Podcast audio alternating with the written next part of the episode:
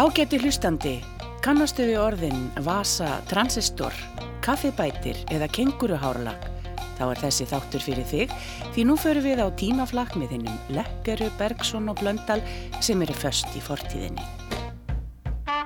Já, við vonum að þið séu búin að stilla radíóið og kom ykkur vel fyrir í stástofunni því tímaflakkið býður okkar með öllu sínu gúmilægi. Við ætlum til dæmis að fara til 1968 og heyra af sambandslausu Íslandi. Svo rennum við okkur til ásins 1978 þegar rætt var um giftingar innan ríkisútarpsins við Yngibjörgu Þorbergs. Á lokum heyrum við svo bongo blíðorði 1988 en byrjum við vitað á því herrans ári 1958 og það er 24. november.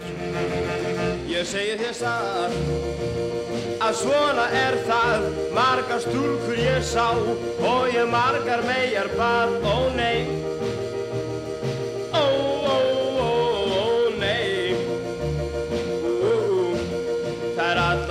sungu sama tónin svona eru flónin, veistu það? Kallt er er og ítla fer. Ef enga stúlku langa til að ylja mér Ó nei. Ó, ó, ó, ó nei. Ég verð að hýrast heima kaldur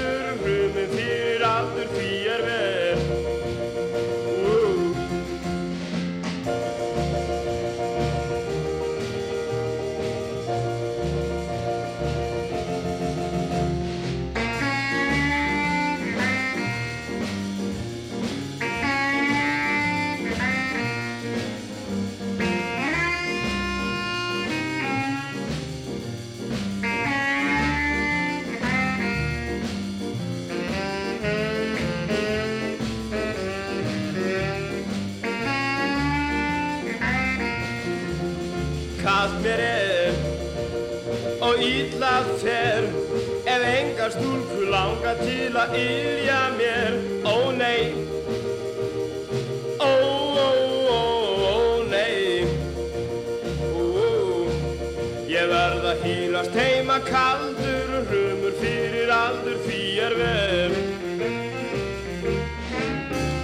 Já, árið er sannlega 1958 og sunnlendingar glöttust því eins og mokkin sagði frá, það var Hið veglega félagsheimilið að flúðum í hrunamannarreppi víkt síðastliðin sunnundag þar sem mikið fjölmenni var saman komið.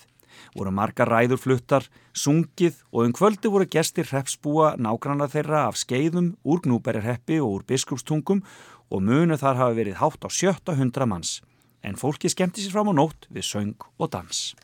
Mokkin bættum betur og sagði að þetta veglega félagsheimili væri hitað upp með hveravatni og kostaði aðeins um 2 miljónu króna. Svo var það kaldastriðið og þeir slóist í Berlín og bandaríkjaman mótmæltu formlega framferði austurþísku lauruglunar. Aftur segir Mokkin frá. Atvik urðu sem hér segir. Þýskur ljósmyndatökumadur, Ernst Lechner að nafni, 37 ára, stóð á Potsdamer torginu. Yfir torg þetta líkur markalínan. Stóð ljósmyndarinn í Vestur Berlín en var að taka ljósmynd af að varðstöð austur þýsku lauruglunar hinum einn á torginu. Myndir þessar var hann að taka fyrir bandarísku sjónvarstöðuna Columbia Broadcasting System.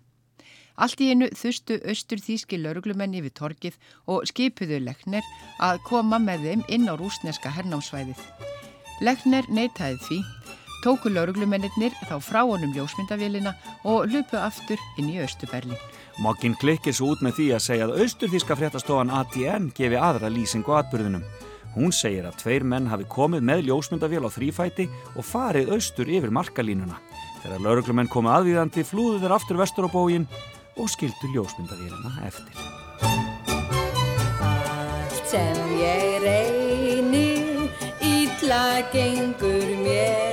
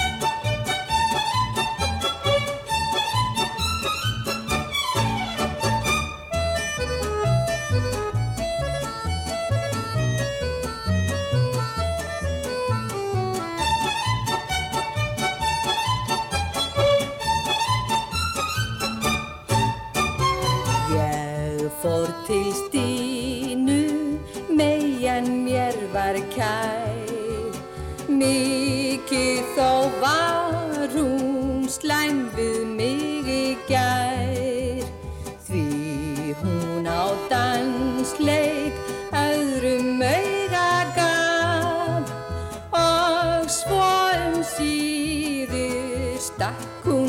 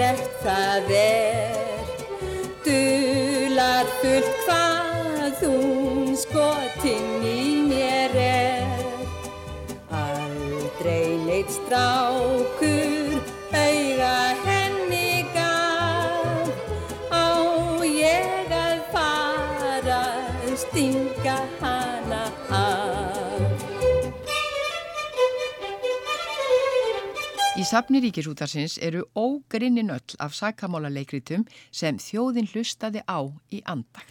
Hér er byrjun og einu þeirra frá 1958 og grandir hlusta má heyra í ungum flosa Ólafsinni. Verkið heitir Skakt númer.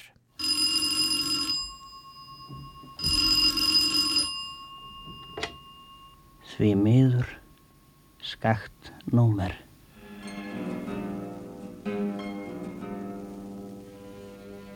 Klukkuna vandar 15 mínútur í 11.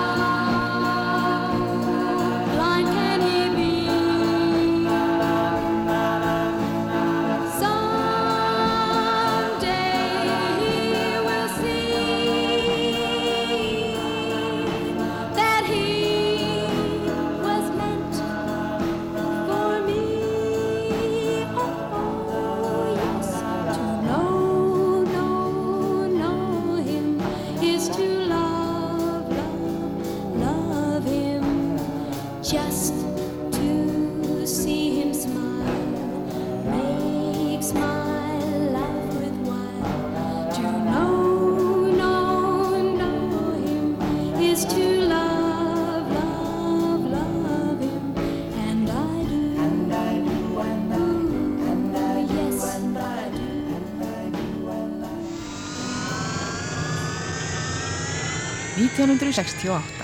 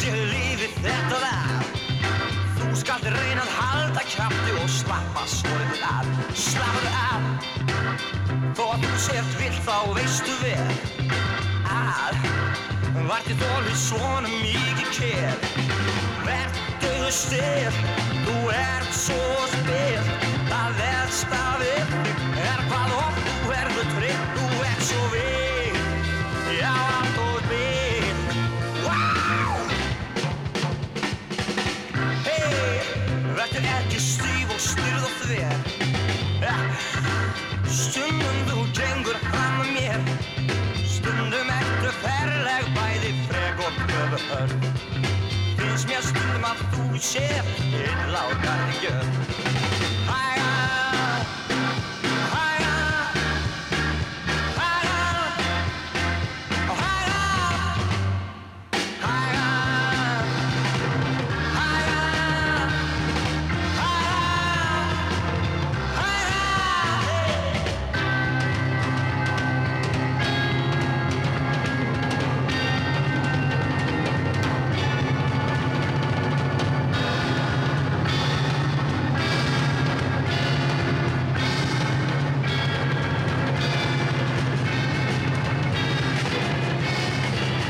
Við erum komin til ásins 1968.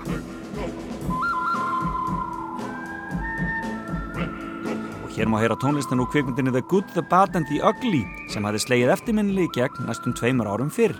En tónlistin var ekki almennilega vinsæl fyrir þarna á haustdögum 1968. Og Ísland varð gott sem sambandslaust. Nú, Já, grípum nýri mokkan. Sambandslaust er nú um sæsímastrengina bæði til Ameríku og Evrópu og verður að notast við loftskeitasamband. Fyrir tíu dögum slittnaði strengurinn æskan millir Grænlands og Kanada. Síðan slittnaði strengurinn líka á leiðinni millir Grænlands og Íslands. Eftir það fór allt símasamband vestur um Skotlandstrengin eins og svo oft áður. En þar sem einnig var slitinn strengurinn frá Skotlandi vestur fóru símtöl fram um gerfinnöttin HS 303 frá Englandi og vestur yfir Allandshaf. Nú í gær slitnaði svo strengurinn milli Skotlands og Íslands. Er ekki vitað hvenar hægt verður að gera við þessa slitnu strengi. já hérna. Og hvað gerðu menn þá til að hafa sambandið um heiminn? Jú, loftskeitastöðin hafði til vara radiótæki eins og þeir sögðu í mokkanum. Var sambandið ágætt í gær en þetta veldur aðalega töfum á talsamböndum til útlanda fyrir almenning því ekki er tiltæk nema ein rás fyrir öll samtölinn. Einnig fyrir ritsima þjónustu og telix þjónustu en í gær hljóp varnarliðundi bakka með fjarrita þjónustu.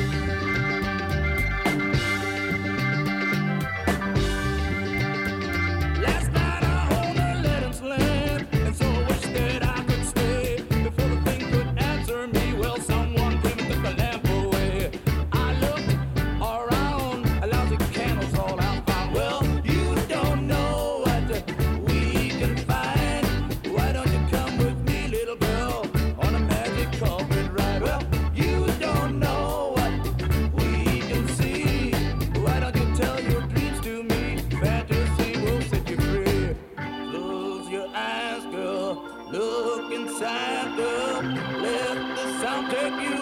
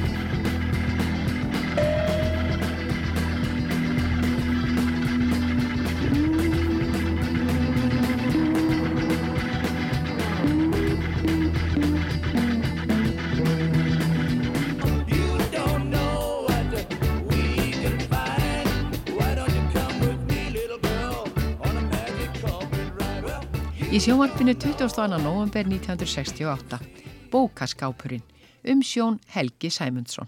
Gott kvöld.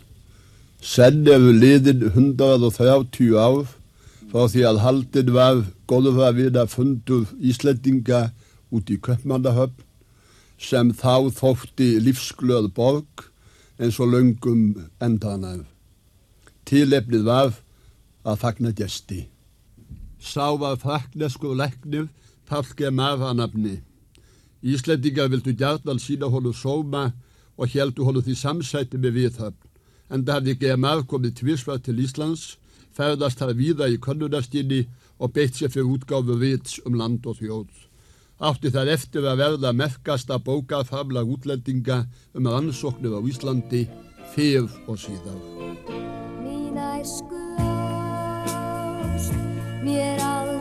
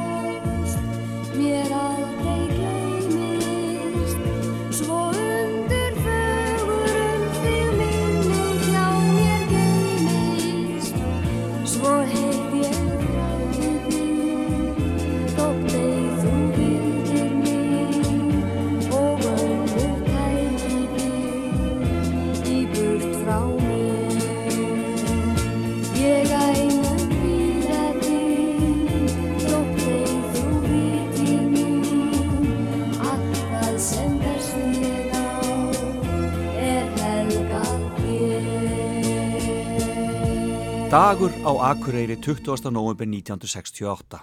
Óöld í Reykjavík. Á sunnudagskveldið voru 16 rúður brotnar í alþingishúsinu og er sá atbyrður einna mörgum og nú daglegum afbrotum í höfuborgin.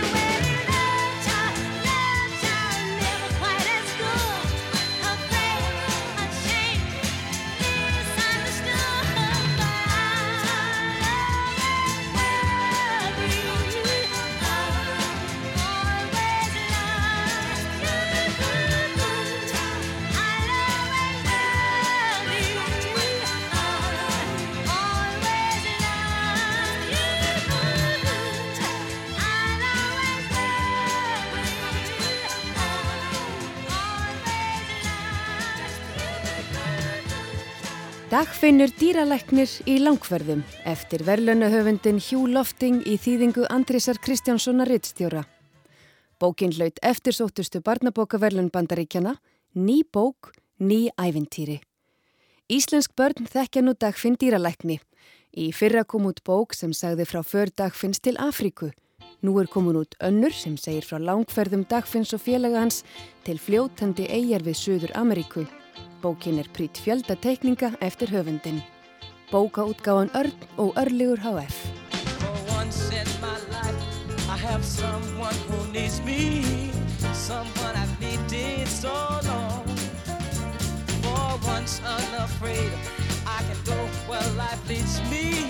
Somehow I know I'll be strong. For once I can touch, but my heart do. Oh, someone warm like you would make my dream come true. Yeah, yeah, yeah. For once in my life, I won't let sorrow hurt me, not like it's hurt me before. For once, I have something I know won't desert me. I'm not alone. Now.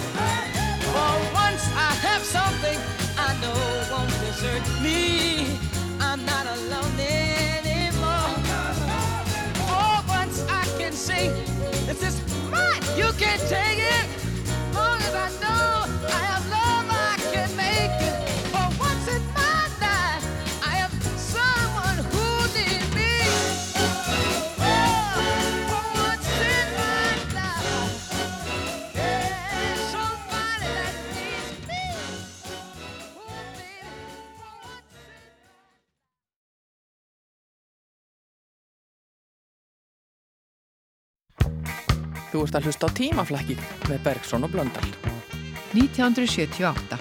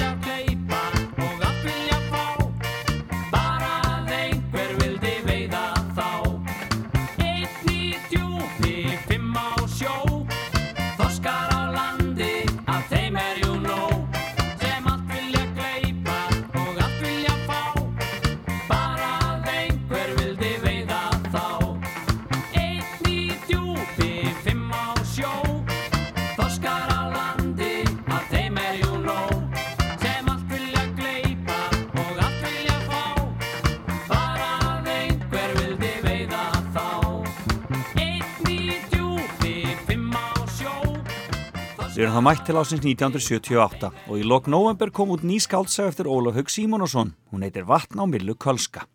Í sjómarpinu, fyrstutaskveldi 24. november, var sérstaklega þáttur um hljómsýtina Póker með Pétur Kristjánsson í farabrott. Og kvöldið eftir bauð sjómarpið upp á skemmti þáttin Myndagátuna. Þar keftu bladamenn í þætti sem þið Þorger Ástalsson og ástæðir Jóhannesdóttir stjórnöðru.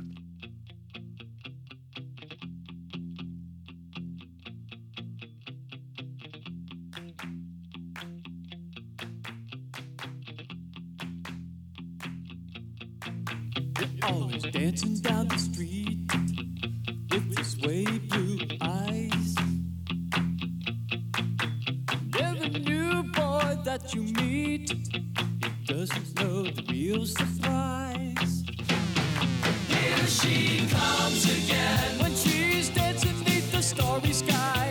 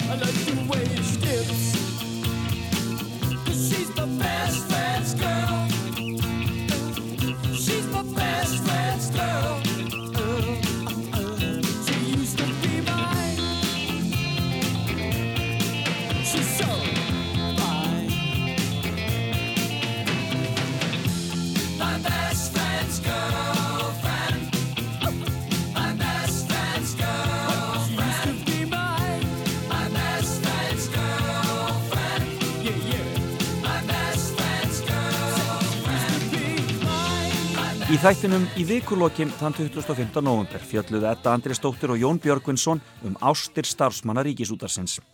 Myndu einhverji segja það dæmi um ákveðna sjálfhverfu, en hvað veit ég? Eh, Við erum búin að kanna lífið og ástina í háhísunum en við hefðum ekki þurft að leita langt við skamt. Mestu hluti starfsemi ríkisútvarsins fer fram á tveimur efstu hæðum húsins hérna við skúlagötuna og við snögga aðtugum kom í ljós að ástin hafi líka látið til sín taka þar. Á fjórðu og fymtu hæðum eru þau hjónin Jónas Jónasson og Sigrún Sigurðardóttir og á sjöttu hæðinni þulurnir Jón Múli og Ragnæður Ásta og ef við bregðum okkur yfir í tónlistadildina hittum við fyrir hjónin Guðmund Jónsson píjánuleikara og Ingi Björgu Þorbergs. Ertu sammálað því, Ingibjörg Þorbergs, að ástin aukist með hæðinni? Já, ég hef nú eiginlega aldrei velt í fyrir mér, þetta er svo leiðis, ég er ekki frá því. Annars held ég að við Guðmundur hefðum orðið ástfangin þótt við hefðum kynst á jörðu nýri. Annars er alltaf talað um love is in the air, ástin hafi vangi og þannig. Ég, ég er ákvæmlega loftrætt og þegar Guðmundur vildi fara með mér að Eiffelturnin í París, alltaf ég neita, en líklega hefur það bara verið ástin sem kom með hangað upp. Þig vil ég fá til að vera mér hjá Vertu nú vætn og segðu já Því betri er að sjást En kveljast og þjást af eins konar ást. Veist að við tvö eigum svo margt Sameiginlegt því finnst mér það hart að heyr ekki þér. Vankaði vinur svaraðu mér. Símtóli tek,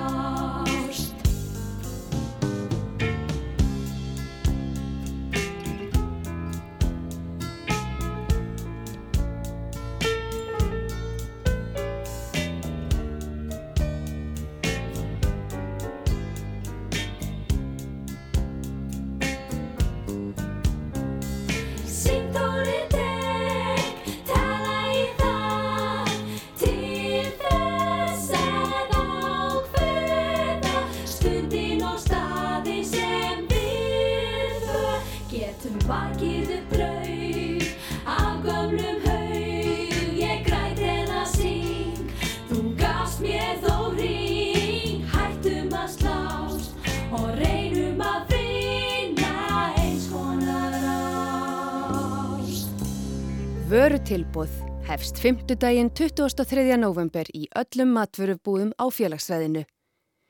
Aspargus bitar 850 grömm 738 krónur. Kínveskur ananas sneiðar 425 grömm 259 krónur. Kínveskur ananas mauk 425 grömm 182 krónur. Fylgist með vöruverðinu. Kjörbúðir KEA.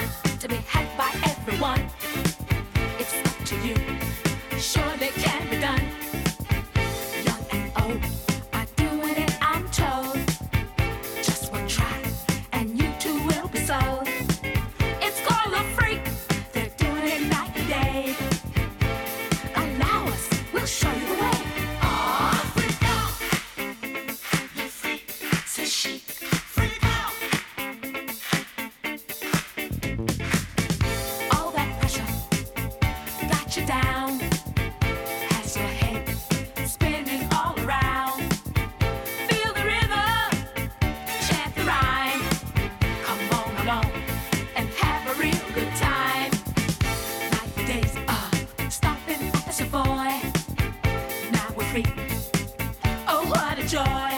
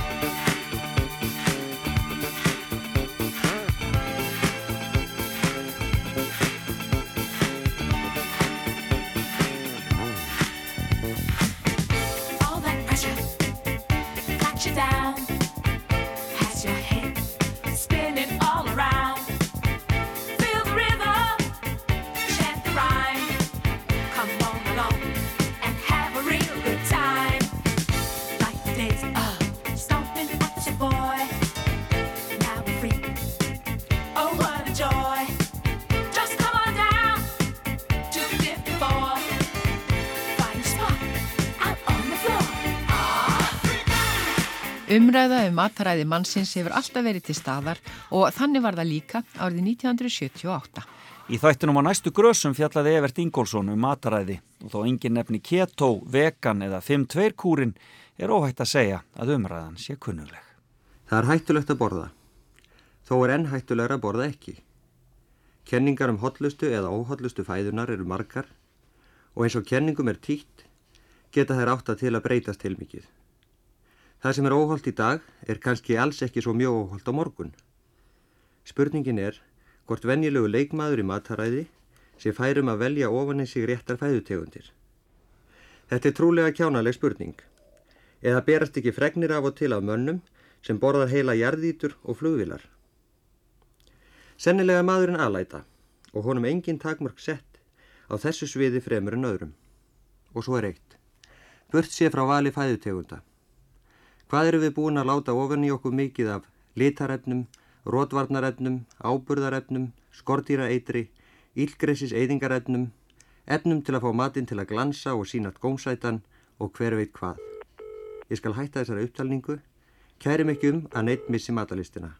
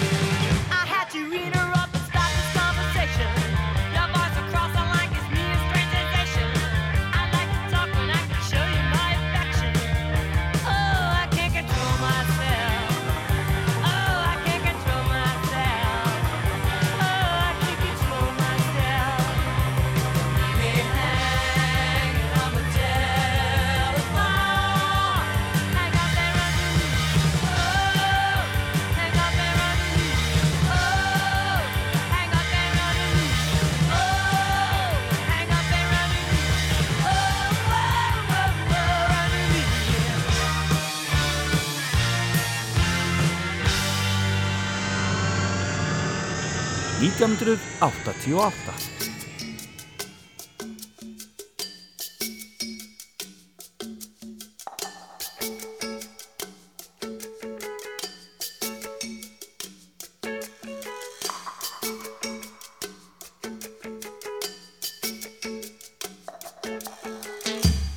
Lára gamla þólir ekki þessar breytingar Þykist að flytja úr landi og kaupa sér jörð Kúpa hefur verið nefnd í margu þrýfast þar. Í kærlingin er æst í gömul mýraflöð og þúkna börn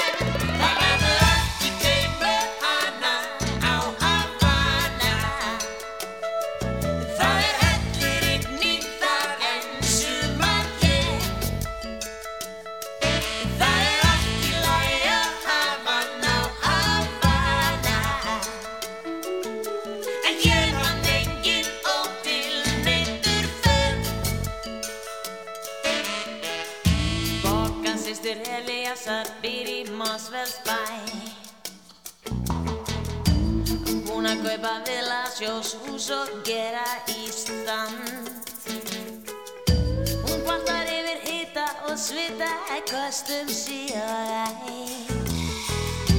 Hún sólinn yfir flytja burtu strax í hana land Það verður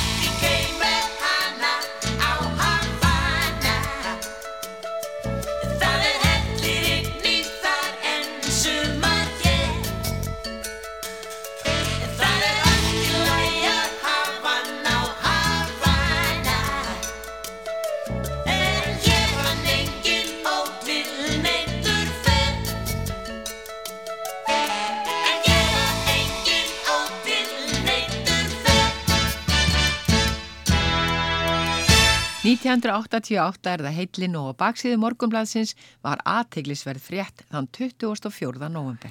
Talið er að eftirlýstur grískur auðjöfur og fjárglæfra maður hafi dvalist hérlendis í Rúman Sólarhengi síðustu viku og gist loftleiðahótelið á flótta sínum. Alþjóðalauruglan, Interpol, leita nú mannsins og er hann talin vera í Brasilíu. Grikki þessi, Georg Koskotas, mun hafa komið hingað undir fölsku nafni í engaþótu. Þorstein A. Jónsson, deildarstjóri í Dómsmálaráðunitinu, staðfesti að Interpol hefði sendt ráðunitinu fyrir spurn um ferðin mannsins sem talin er vera Koskotas síðastliðin sunnudag. Koskotas var þá farin hérðan á samt fámunni fylgdaliði sínu. Á þriðju dag var síðan óskað eftir nákvæmri skýslu um dvöl fólksins hér á landi. Fjárglæfrar Koskotas hafa verið fréttaefni í Gríklandi og víða um heim undanfarnar vikur. Hann varð á skömmum tíma einn auðugasti maður Gríklands, átti eitt stærsta bankalandsins, þrjú dagblöð, fjögur tímaritt, útastöð og knattspyrnulið. Hann hafði alls um 3000 manns í vinnu. Hann er grunaður um viðtæk fjársvík, skjálafals og blekkingar og er talin hafa mútað fjölda grískra áhrifamanna. Jújú, margur verður af öðrum api. Koskotas þessi var síðan handtekinn í bandaríkinum og dæmdur í 25 ára fangils í Greiklandi. Hann hefur nú setjað sér dóminn og bjóð síðast við fréttum í aðeinu. All we've got is this moment. 21st century's yesterday. can care all you want. Everybody does, yeah, that's okay. Yeah. So slide over here and give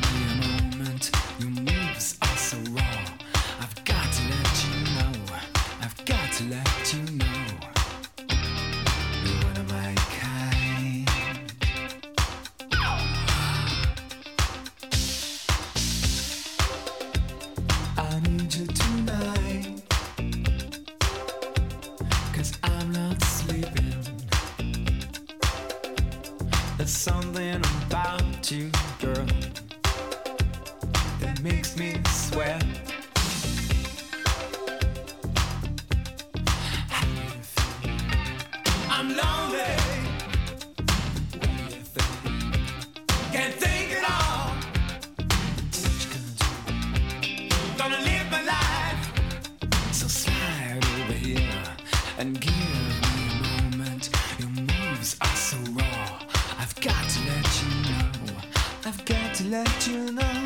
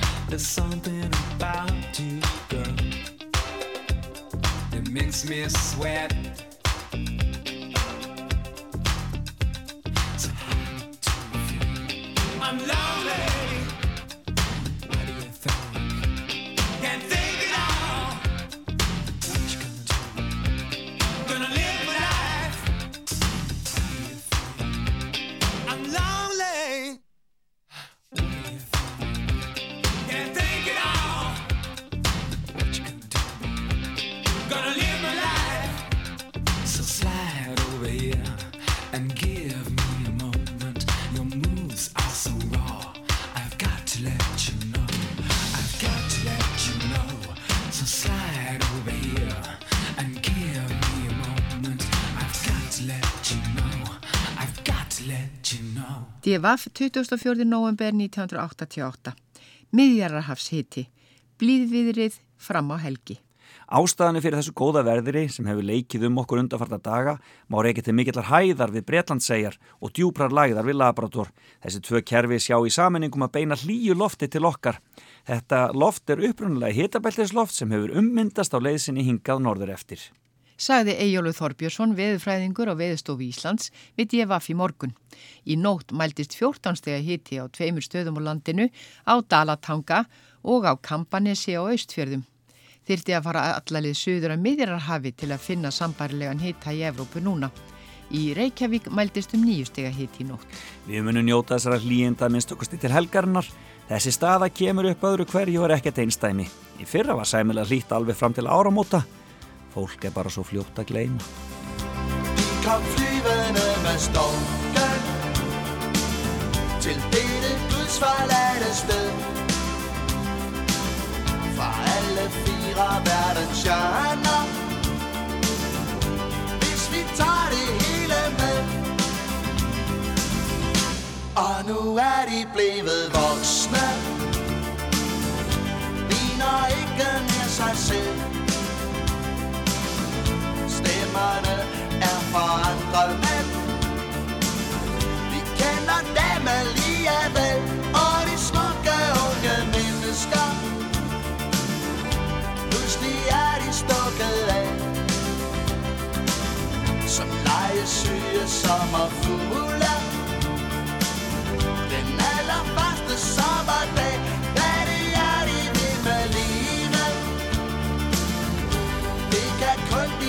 forstå. Og de smukke unge mennesker. Vil de lægge livet må Der var nogen som blev tilbidt Andre måtte nøjes med. Digitale vuggestuer Og til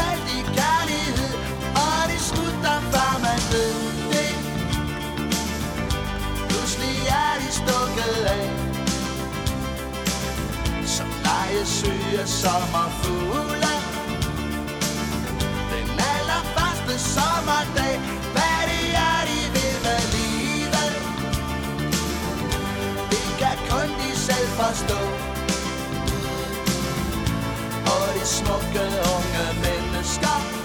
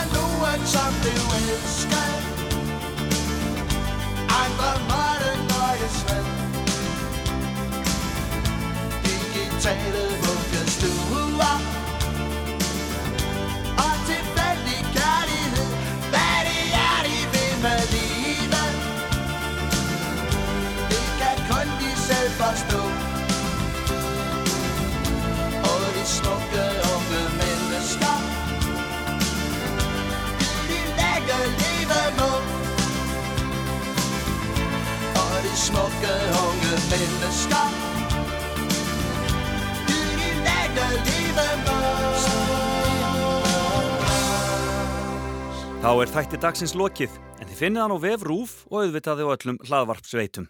Tæknimaður okkar var Jón Þór Helgason og lesari Sigrún Hermannsdóttir. Takk fyrir að hlusta.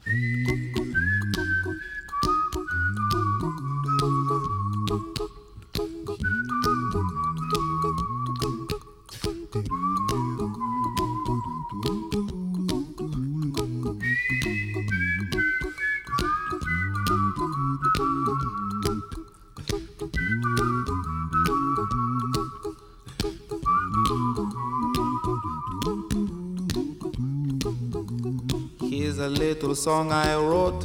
You might want to sing it note for note. Don't worry. Be happy. In every life we have some trouble. But when you worry, you make it double. Don't worry. Be happy. Don't worry. Be happy now.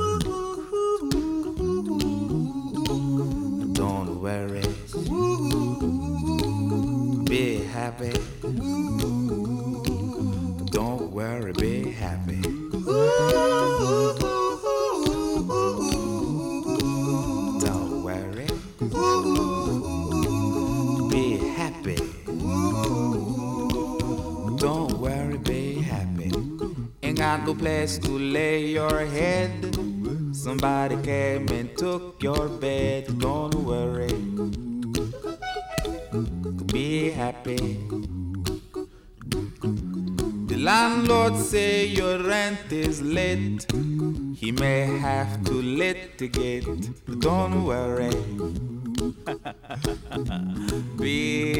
happy.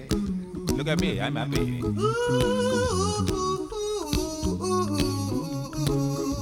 Don't worry. Be happy. Hey, I give you my phone number. When you worry, call me. I make you happy. Don't worry.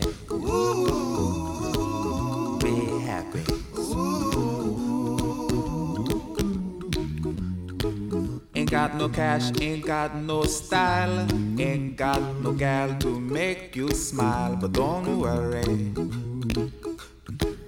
Be happy. Cause when you worry, your face will frown, and that will bring everybody down. So don't worry. Be happy. Don't worry. Be happy now. Don't worry. Be happy. Don't worry, be happy. Don't worry. Be happy. Don't worry, be happy. Don't worry. Don't worry. Be happy. Put a smile on your face. Don't bring everybody down like this. Don't worry. It will soon pass, whatever it is. Don't worry, be happy.